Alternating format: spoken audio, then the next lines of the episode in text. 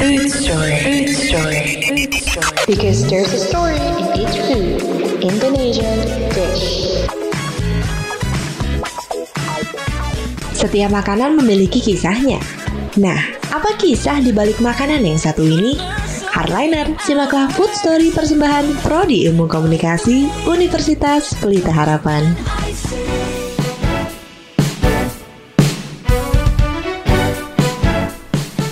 Hello, episode Food Story hari ini kita akan membahas salah satu makanan favorit sebagian besar masyarakat Indonesia, termasuk saya, yaitu bubur. Ternyata, oh ternyata bubur ada banyak macamnya loh. Setiap macam memiliki kisah dan filosofinya sendiri-sendiri. Hmm, penasaran dong? Hardliner simak episode Food Story spesial bubur. Bubur sumsum adalah sejenis bubur berwarna putih yang terbuat dari tepung beras dan dimakan dengan kuah manis air gula. Bubur sumsum banyak ditemukan di daerah Jawa lalu menyebar ke berbagai daerah sekitarnya. Bahkan ditemukan hingga ke negeri tetangga seperti Malaysia dan Thailand. Nama bubur sumsum sendiri berasal dari penampilan bubur yang putih bersih seperti sumsum tulang. Bubur sumsum mungkin menjadi salah satu makanan yang paling umum dalam daftar kuliner Jawa. Bubur sumsum terbuat dari tepung beras yang dimasak hingga mengental bersama dengan santan dan dituang dengan juruh atau kuah gula Jawa. Cemilan manis yang satu ini adalah salah satu comfort food yang bisa dinikmati kapan saja.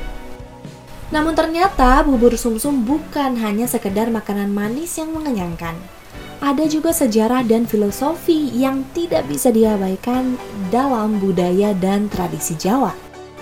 Bubur sumsum atau yang sering disebut juga sebagai jenang sumsum memiliki dua elemen, yaitu warna putih dan rasa yang manis. Warna putih dari bubur sumsum memiliki makna kebersihan hati dan pikiran atau tubuh yang segar. Sedangkan rasa manis menunjukkan kesejahteraan, rasa terima kasih, dan manisnya hidup serta kebahagiaan. Umumnya, bubur sumsum disajikan untuk orang-orang yang membantu kelancaran sebuah acara besar, misalnya seperti pernikahan, acara sunatan, dan lain-lain. Sesuai makna simbolisnya, bubur sumsum dibuat dengan tujuan agar orang-orang yang telah membantu tersebut bisa melepas rasa lelah mereka setelah bekerja keras. Rasa manis akan membantu mengembalikan energi, sedangkan bubur tepung beras yang lembut akan memberikan kenyamanan di mulut dan tentunya perut. Sikap gotong royong dan saling membantu tersebut dibalas oleh tuan rumah sebagai bentuk rasa terima kasih dengan semangkuk bubur sumsum yang manis. Jadi, bukan hanya jadi menu sarapan atau makan sore yang menghangatkan tubuh. Bubur sumsum juga memiliki peran penting di dalam tradisi Jawa. Seperti itu kisah, sejarah, dan asal-usul bubur sumsum. Selain bubur sumsum, hari ini kita juga akan membahas bubur Manado.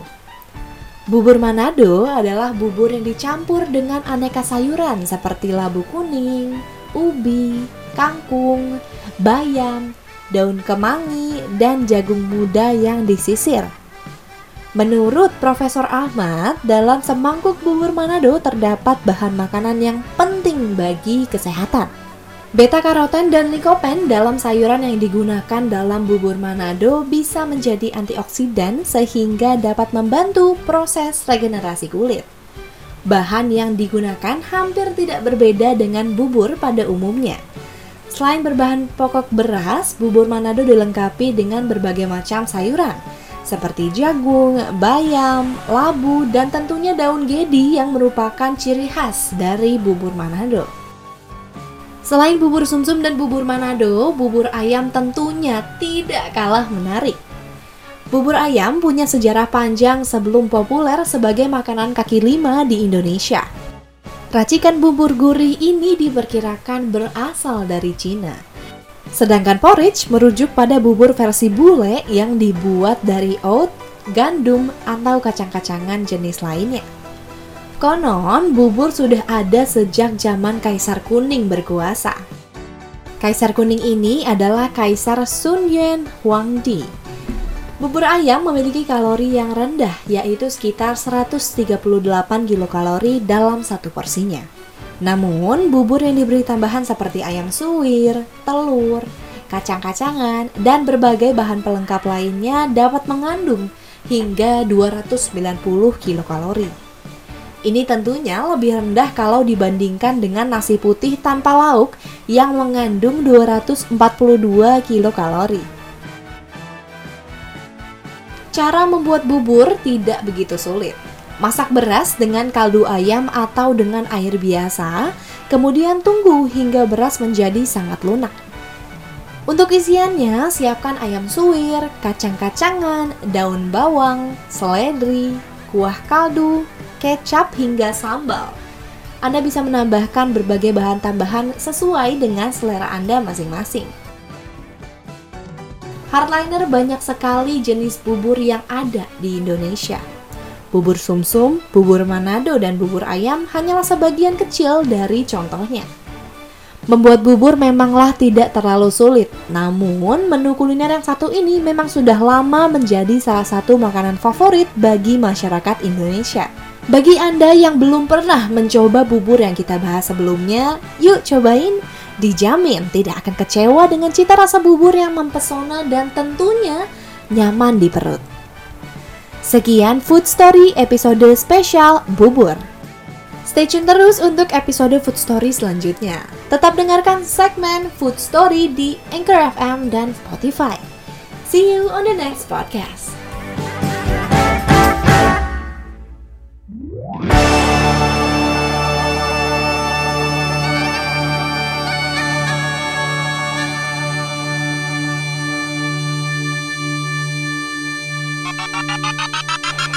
Food story. Food story. Food story. Because there's a story in each food.